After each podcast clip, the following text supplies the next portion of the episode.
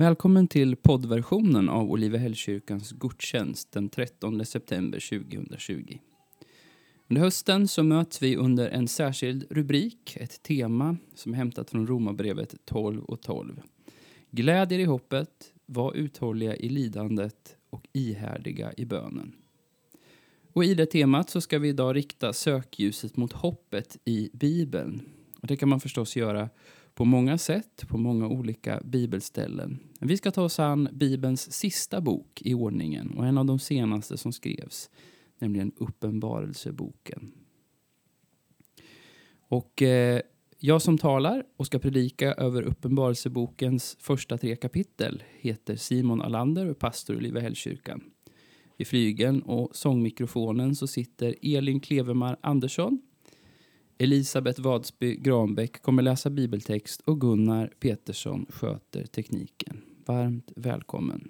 Vi ska läsa tillsammans de första raderna i Uppenbarelsebok. Detta är Jesu Kristi uppenbarelse som Gud gav honom för att visa sina tjänare vad som snart ska ske. Han sände sin ängel och lät sin tjänare Johannes veta det. Han som har vittnat om Guds ord och Jesu Kristi vittnesbörd, allt han har sett.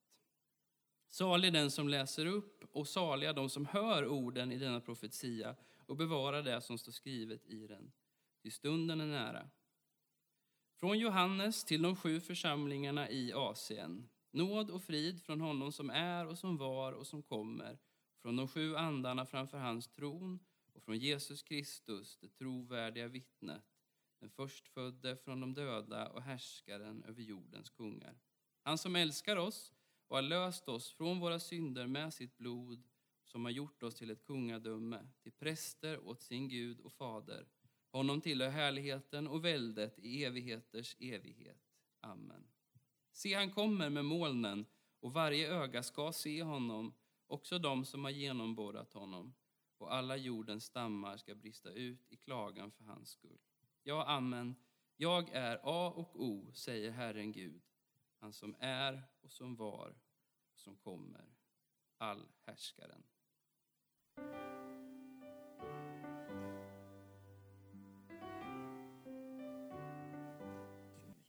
Vi fortsätter att läsa ur Johannes uppenbarelse, det första kapitlet ifrån den nionde versen.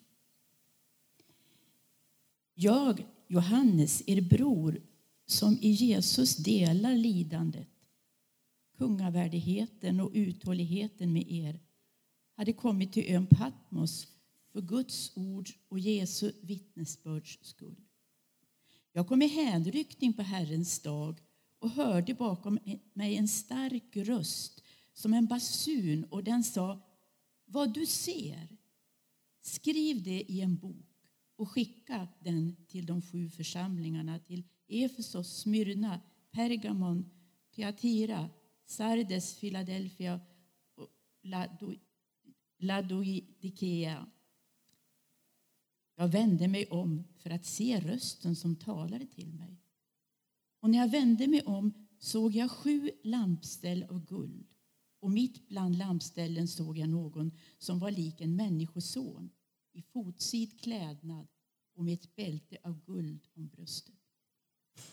Hans huvud och hår var vitt som vit ull som snö och hans ögon var som eldslågor. Hans fötter liknade gyllene brons där den glöder i smältugnen och hans röst var som rösten av stora vatten. I sin högra hand höll han sju stjärnor och ur hans mun kom ett skarpt tveeggat svärd och hans ansikte var som solen när den lyser i sin kraft.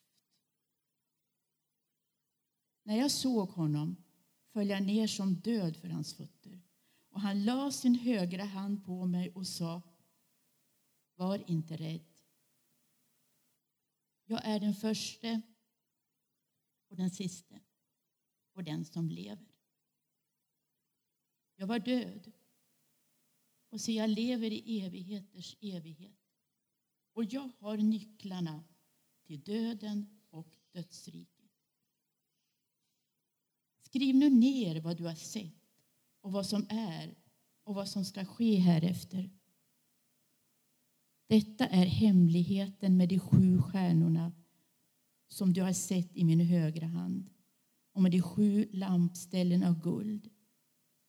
De sju stjärnorna är de sju församlingarnas änglar och de sju lampställen är de sju församlingarna. Ja, i det land där Gud har satt oss och vi håller i hans starka hand och vi litar på hans ord. Vi är skapade av honom för att göra det han vill. Vi är födda utav samme far och vi är hans eget folk. Det är blodets band som binder oss tillsammans. Det är livets bröd som ger oss kraft idag. Det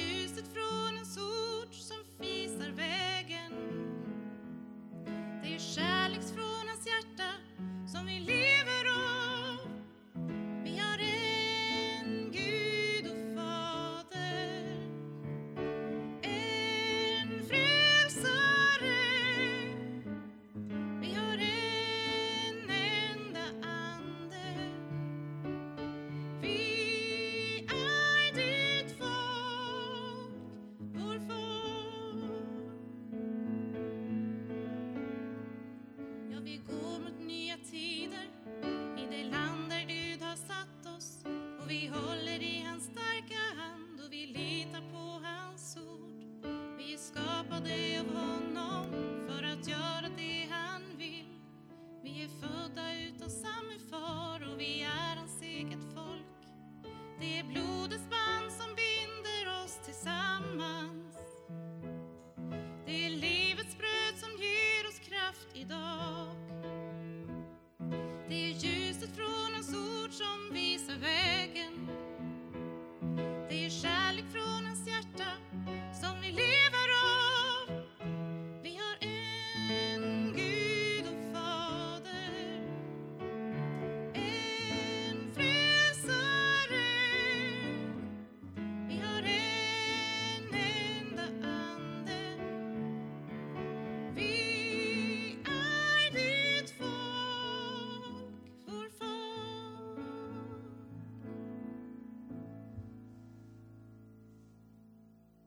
fortsätter ifrån det andra kapitlet. Skriv till ängeln för församlingen i Efesos. Så säger han som håller de sju stjärnorna i sin högra hand. Han som går bland de sju lampställen av guld. Jag känner dina gärningar, din möda, din uthållighet och vet att du inte kan tåla onda människor. Du har prövat dem som kallar sig apostlar men inte är det. Och du har funnit att det är lögnare. Du är uthållig. Du har tålt mycket för mitt namns skull och du har inte tröttnat. Men det jag har emot dig är att du har övergett din första kärlek. Tänk på varifrån du har fallit och omvänd dig och gör samma gärningar som förr. Annars kommer jag till dig och flyttar bort ditt lampställ om du inte omvänder dig. Men den förtjänsten har du att du avskyr nikolaiternas gärningar som jag också avskyr. Den som har öron, han hör vad anden säger till församlingarna. Och den som segrar ska jag ge att äta av livets träd som står i Guds paradis. Och ifrån den tredje kapitlet till församlingen i Laodikea. Och skriv till ängeln för församlingen i Laodikea. Så säger han som är Amen, den trovärdiga och sanna vittnet, början till Guds skapelse. Jag känner dina gärningar. Du är varken kall eller varm. Om du ändå vore kall eller varm. Men nu är du ljum och varken varm eller kall. Och därför ska jag spy ut dig ur min mun. Du säger, jag är rik, Jag har vunnit rikedom och saknar ingenting. Och du förstår inte att just du är eländig och ömkansvärd och fattig och blind och naken. Jag råder dig att hos mig köpa guld som har renats i eld så att du blir rik och vita kläder så att du kan klä dig och dölja din skamliga nakenhet och salva att smörja dina ögon med så att du kan se. Jag tillrättavisar och tuktar alla dem jag älskar. Visa iver och vänd om. Se, jag står vid dörren och bultar. Om någon hör min röst och öppnar dörren ska jag gå in till honom och äta med honom och han med mig. Den som segrar ska jag låta sitta hos mig på min tron liksom jag har segrat och sitter hos min fader på hans tron. Du som har öron, hör vad anden säger till församlingen. Dina ord som du ger oss än idag. Hjälp oss att lämna vår ljumhet. Hjälp oss att släppa in dig i vårt hjärta.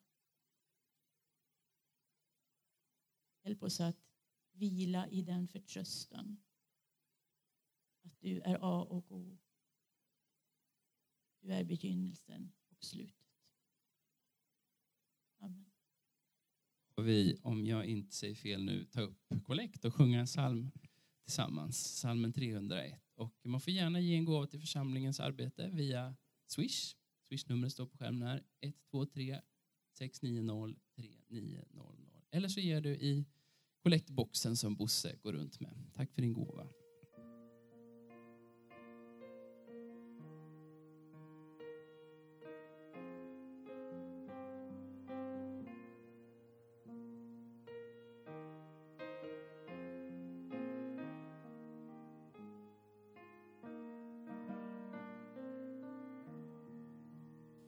Jaha, finns det något mer än det som vi ser när vi går och tittar runt på oss själva och på varandra och på vår omvärld?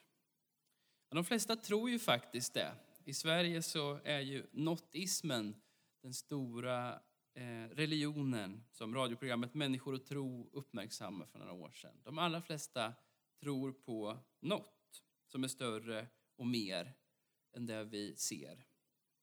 Och runt om i världen finns förstås tusentals, om inte mer, olika trosuppfattningar och traditioner där man på olika sätt försöker sätta ord på det här gudomliga.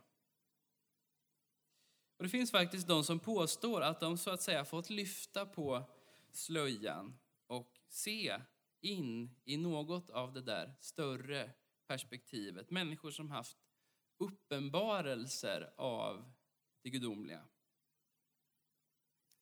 Och idag när vi börjar läsa Uppenbarelseboken så förstår vi att det är något sånt vi har att göra med. Kanske har du läst den här boken utan och innan. Eh, du kanske har hört eller läst hundratals predikanter och bibelutläggare som har gjort lika många olika tolkningar av den här boken. Eller så är det här en helt ny bok för dig. Kanske en sån där bok som du bläddrat till i Bibeln någon gång och börjat läsa men insett att nej, det här är totalt obegripligt. Jag läser något annat istället. Det vore inte så konstigt, för här möter vi märkliga, suggestiva bilder av änglar, märkliga odjur. Jesus beskrivs som ett lamm, som ett lejon. Vi får se ganska grova, osmakliga bilder om sjökor och drakar och blod och en skapelse som är i födslovåndor. Det är massa olika symboler på människors händer och pannor. Mystiska tal som återkommer, treor och fyror och sjuor och tolvor. Och de där adderas och multipliceras hit och dit. Och så det här skrämmande talet 6 eller 666. Jag tror inte att någon som öppnat Uppenbarelseboken någon gång kunnat undgå att fråga sig vad är det här för bok egentligen och vad kan den möjligen ha med oss att göra? Och kanske har du hört att Uppenbarelseboken är en apokalyptisk bok. Och I dagligt tal när vi säger att något är apokalyptiskt så tänker man kanske på eh, jordens undergång, i alla fall civilisationens undergång och kaos och, och krig.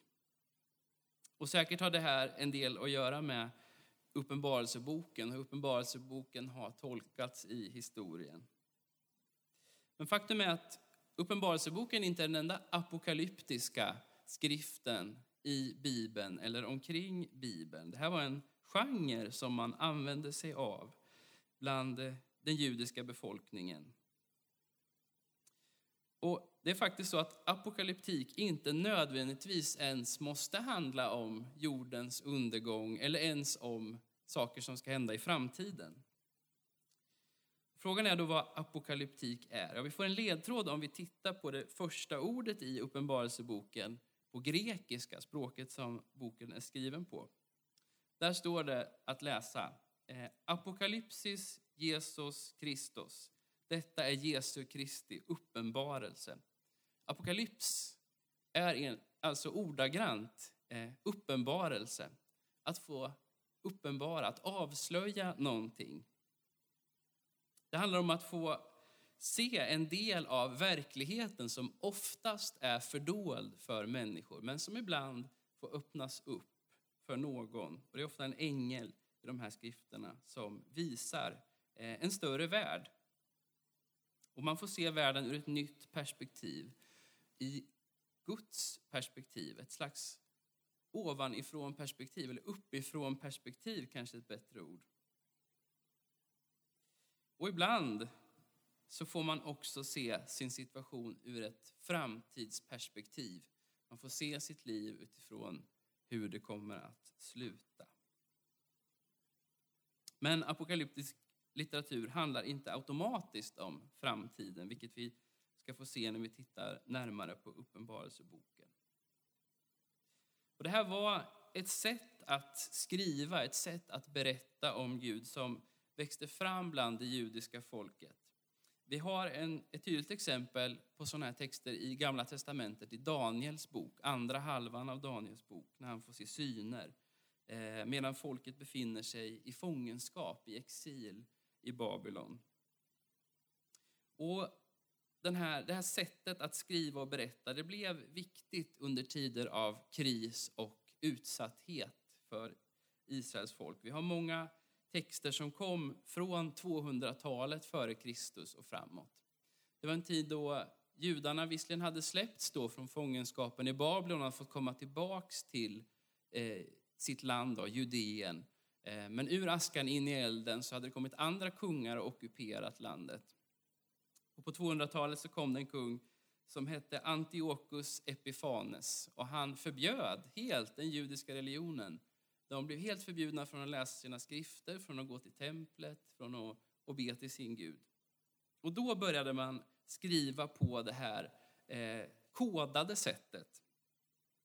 Eh, man skrev på ett förtätat symbolspråk, texter som bara den som var insatt i Eh, de judiska skrifterna skulle förstå och kunna avkoda. Så apokalyptik är en slags underground litteratur som man tar till för att tala sant om något som man inte kan tala öppet om. Och I de här tiderna så blev det förstås viktigt för judarna att få se det här uppifrån perspektivet och framtidsperspektivet. Att få se att Gud har koll, även om det är mycket som pekar på motsatsen just nu. Och den tidiga kyrkan levde ju inom den judiska gemenskapen, i synagogorna runt Medelhavet de första hundra åren åtminstone. Och de plockade upp den här litteraturen, den här genren, det här sättet att skriva om Gud på.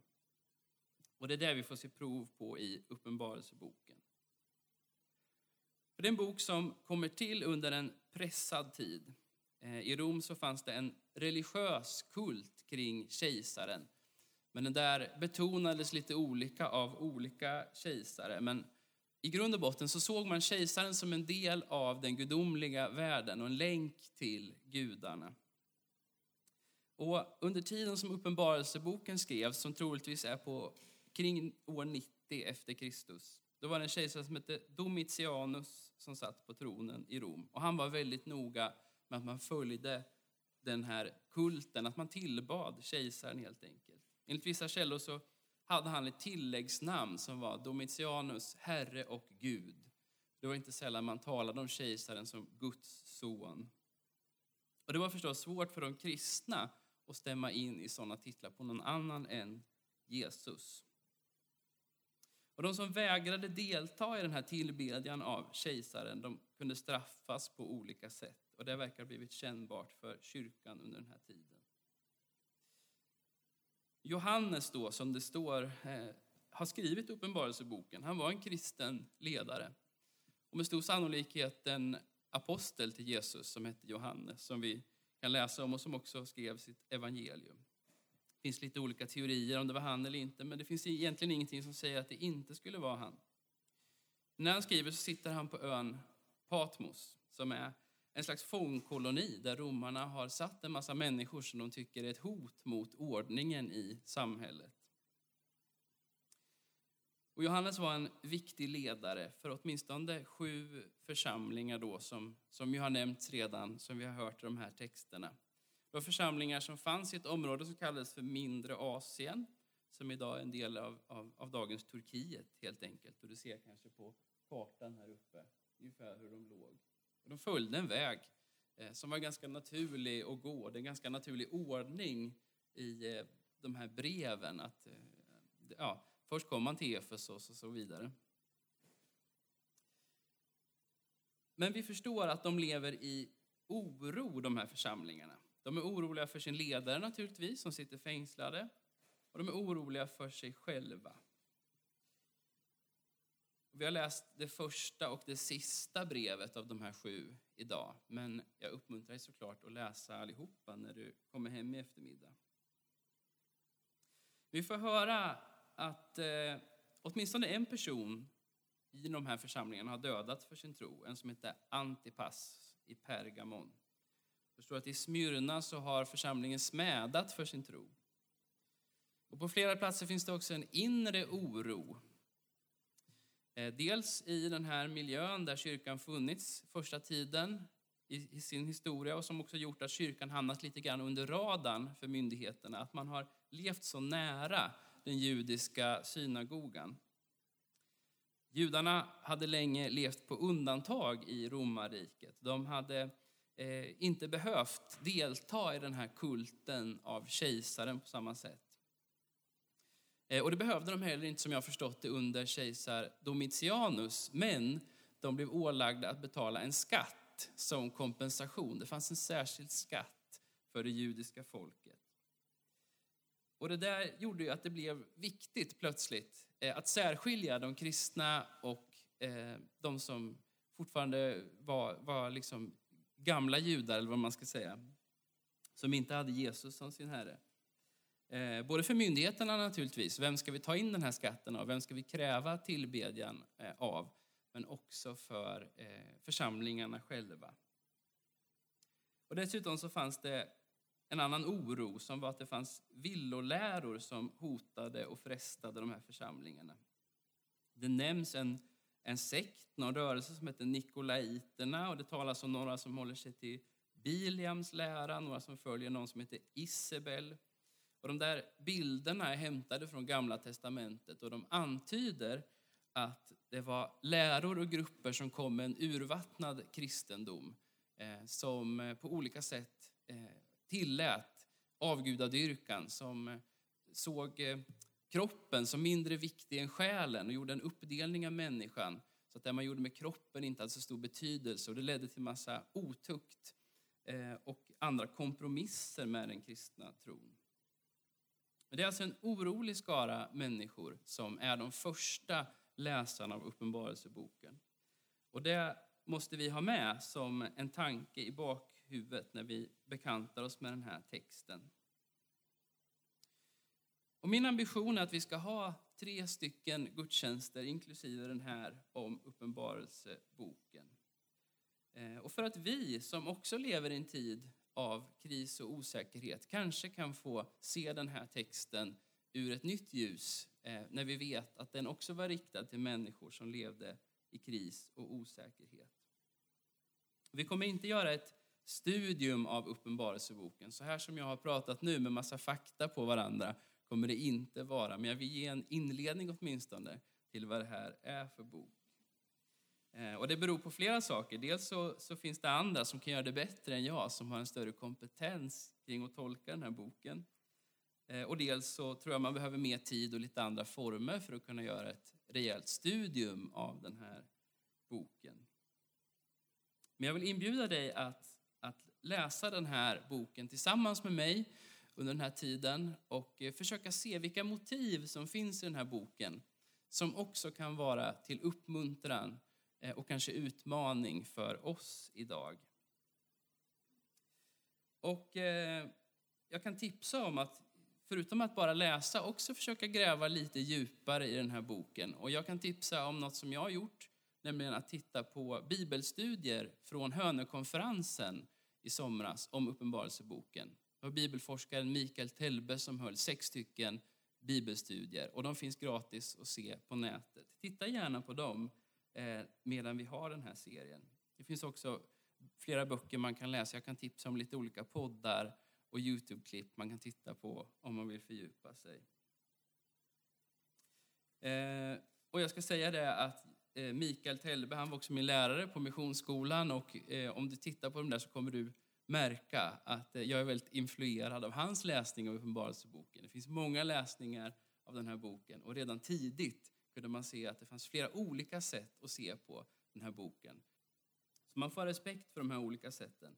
Ehm, men jag vill alltså framförallt inte ge, ge alla tolkningsnycklar till de här symbolerna utan jag vill använda vårt ledord för hösten. glädjer i hoppet, var uthålliga i lidandet och ihärdiga i bönen för att sätta ljuset på några olika motiv i Uppenbarelseboken.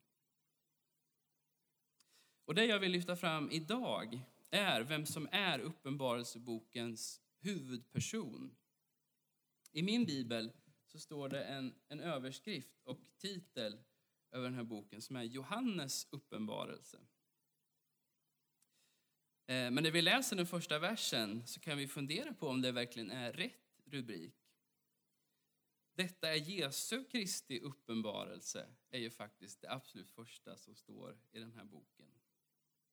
Och det är Jesus som vi får möta genom Johannes ögon och Johannes penna i den här boken.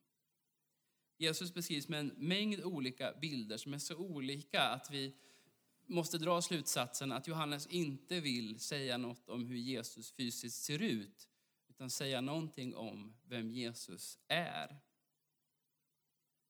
Och den här första beskrivningen av Jesus som vi mött idag kanske i och för sig kan vara till uppmuntran för dig som tycker att det känns lite jobbigt att de vita hårstråna i tinningarna blir fler och fler. Eh, för Johannes skriver ju så här.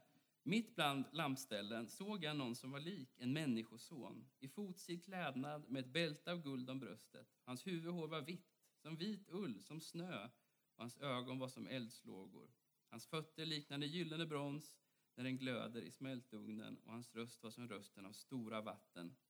Sin högra hand höll han sju stjärnor och ur hans mun kom ett skarpt tveeggat svärd och hans ansikte var som solen när den lyser i sin kraft. Det är förstås en chockerande och skräckinjagande syn som Johannes får se. Han kastar sig följdriktigt på marken.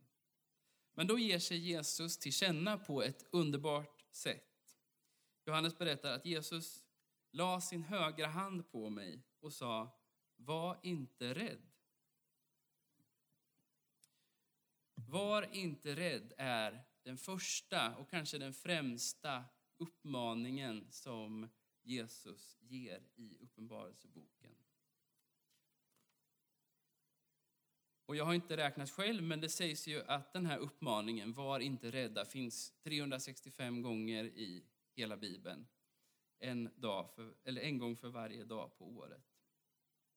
Och Det är också den uppmaning som vi får som tröskel att kliva över när vi ska ge oss in i den här ofta svåra texten. Var inte rädd. Och hur kan vi lita på det? Jo, vi kan lita på det och vi kan vara, vi kan så att säga vara orädda för att Jesus är den han är. Han är den som älskar oss och har löst oss från våra synder med sitt blod. Han är den som har gjort oss till ett kungadöme, till präster åt sin Gud och fader. Och han är den som kommer med molnen som varje öga ska se. Han är den som är A och O, som var och är och kommer, allhärskaren. Jesus ingjuter hopp på samma sätt som vi läste förra veckan att Petrus och Paulus ingöt hopp i sina församlingar genom att påminna om de två avgörande punkterna i historien. Det som Jesus har gjort på korset och det Jesus ska göra när han kommer tillbaka på molnen. Han är den som är och var och kommer. Och ett sätt att praktisera icke-rädsla är att påminna sig om vad Jesus har gjort. Påminna sig om vilka löften som finns. Men det är också att välja, när det behövs, att leva lite på tvärs med samhället omkring oss. Även om det kostar på. Att leva efter Guds rikes principer snarare än världens principer. Och I Uppenbarelseboken så möter vi människor som verkligen får kämpa med det här. De kämpar med att hålla fast vid en ifrågasatt tro.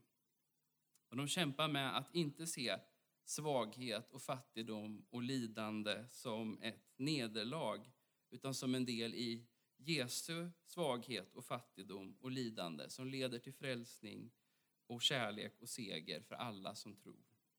Och I den kampen behöver vi, liksom de, få höra Jesus säga Var inte rädda. Och Jesus är faktiskt inte bara den som har räddat världen på korset och som ska upprätta skapelsen vid tidens slut. Han är också med varje dag tills dess. Ibland så får de här mystiska bilderna i Uppenbarelseboken sin förklaring direkt, precis som jag nämnde med det här med lampställen som Jesus förklarar. Det är så viktigt så att han förklarar uttryckligen att det handlar om församlingarna som han håller i sin hand. Detta är hemligheten med de sju stjärnorna som du sett i min högra hand och med de sju lampställen av guld. De sju stjärnorna är de sju församlingarnas änglar och de sju lampställen är de sju församlingarna. Sen säger han som vi läste till församlingen i Efesos. Så säger han som håller de sju stjärnorna i sin högra hand, han som går bland de sju lampställen av guld. Jesus går bland sina församlingar. Jesu efterföljare är ju världens ljus, som vi vet. Och Jesus har tänt den lågan, men inte bara det. Han är med dem, han går bland dem och han känner dem utan och innan. Jesus vet vilka utmaningar de olika församlingarna stod inför. Han vet vilka bördor som de bar på. Han vet också vad som är deras styrkor. Men han varnar också för de saker som kan släcka den här lågan som han tänt. Frestelser och förföljelser. Han känner dem så väl så att han till och med presenterar sig på olika sätt. Det kommer du märka om du läser de här sju breven i kapitel 2 och 3. Att han lyfter fram olika aspekter av sig själv för de olika församlingarna.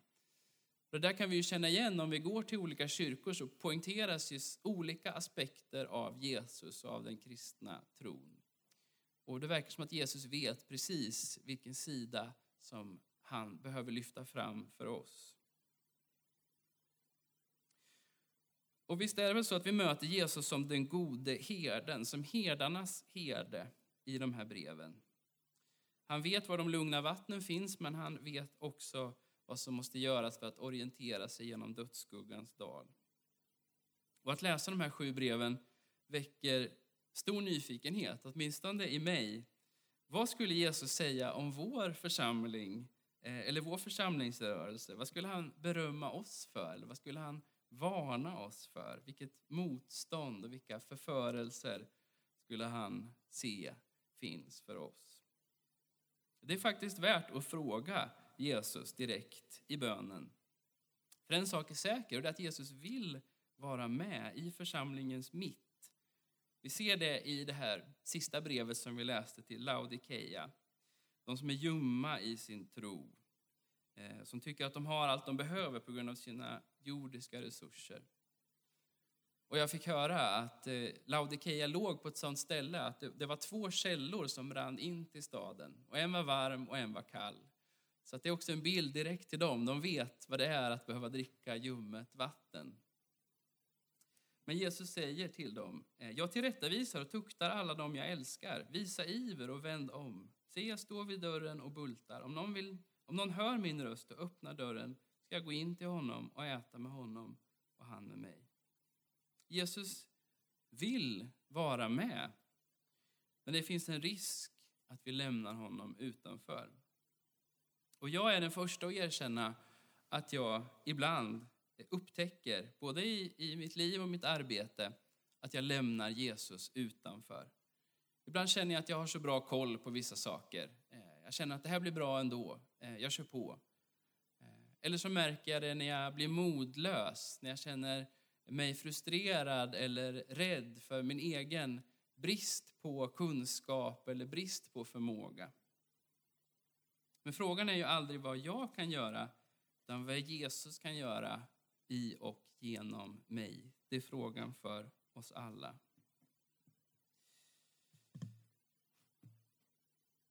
Och det för in mig på en slutsats. Jesus känner sina församlingar. Det för in mig på en tredje sak som Jesus lär mig i den här texten.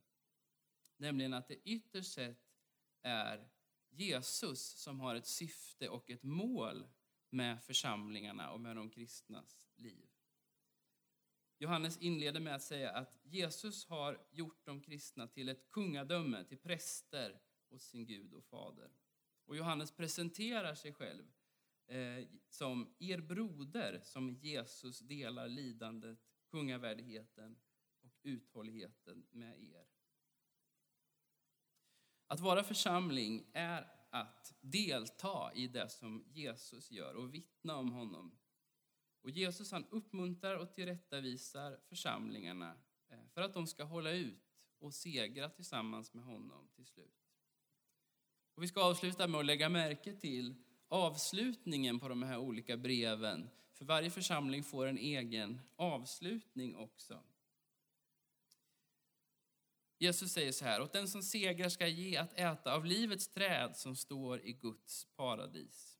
Den som segrar ska inte skadas av den andra döden. Åt den som segrar ska jag ge av det dolda mannat och jag ska ge honom en vit sten och på stenen ska det stå ett nytt namn som ingen känner utom den som får det. Den som segrar och ger akt på mina gärningar ända till slutet, honom ska jag ge makt över folken. och Han ska valla dem med en stav av järn, som man krossar lerkärl. Samma makt som jag har fått av min fader, och jag ska ge honom morgonstjärnan. Den som segrar ska alltså kläs i vita kläder, och jag ska inte stryka hans namn ur livets bok. Och jag ska kännas vid hans namn inför min fader och inför hans änglar. Den som segrar ska jag göra till en pelare i min Guds tempel och han ska aldrig mer lämna det. På honom ska jag skriva min Guds namn och namnet på Guds stad, det nya Jerusalem som kommer ner i himlen från min Gud och mitt nya namn. Och den som segrar ska jag låta sitta hos mig på min tron, liksom jag har segrat och sitter hos min fader på hans. Och alla de här avslutningarna är fantastiska visioner från de sista kapitlerna i Uppenbarelseboken som handlar om hur det ska se ut, hur det ska bli när Jesus kommer tillbaka. Och allt detta handlar om att vi ska få förenas med Jesus, att vi som församlingar ska få förenas med hans syften i världen. Och det är den inbjudan som både församlingarna i mindre Asien fick för 2000 år sedan och som vi som församlingar i Strängnäs får idag. Och det är också Jesu inbjudan till dig och mig. Hör du som har öron, hör vad Anden säger till församlingarna. Låt oss be. Tack Fader för att vi får komma till ditt ord. Tack för att vi får lyssna till vad du har att säga till oss. Och jag ber att du ska göra det genom vår läsning av Uppenbarelseboken. Att det ska få vara eh, en tid då vi känner att vi inte behöver vara rädda. Inte på grund av omständigheterna utan på grund av att du är den du är, Jesus. Tack för att du går mitt ibland oss, mitt ibland dina församlingar, för att du känner oss utan och innan och vet vad vi behöver. Och jag ber att du ska ge oss vilja och förmåga att följa dig. Öppna våra öron och ögon så vi ser din vägledning i våra liv. Och jag ber att vi ska få segra på det sättet som du segrar. Inte genom stor världslig eh, rikedom eller styrka eller våld eller makt utan genom att segra efter ditt rikes principer. Genom den utgivande kärleken. Jag ber så i Faderns, Sonens och den heliga Andes namn. Amen.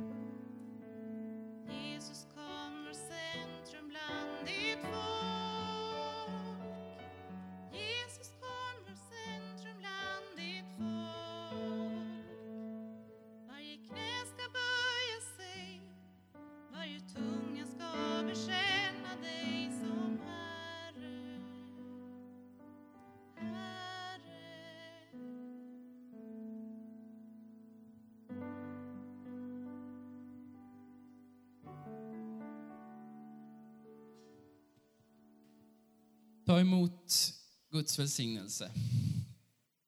Herren välsignar dig och beskyddar dig. Herren låter sitt ansikte lysa mot dig och visar dig nåd. Herren vänder sitt ansikte till dig och ger dig sin frid. I Faderns, Sonens och den helige Andes namn. Amen.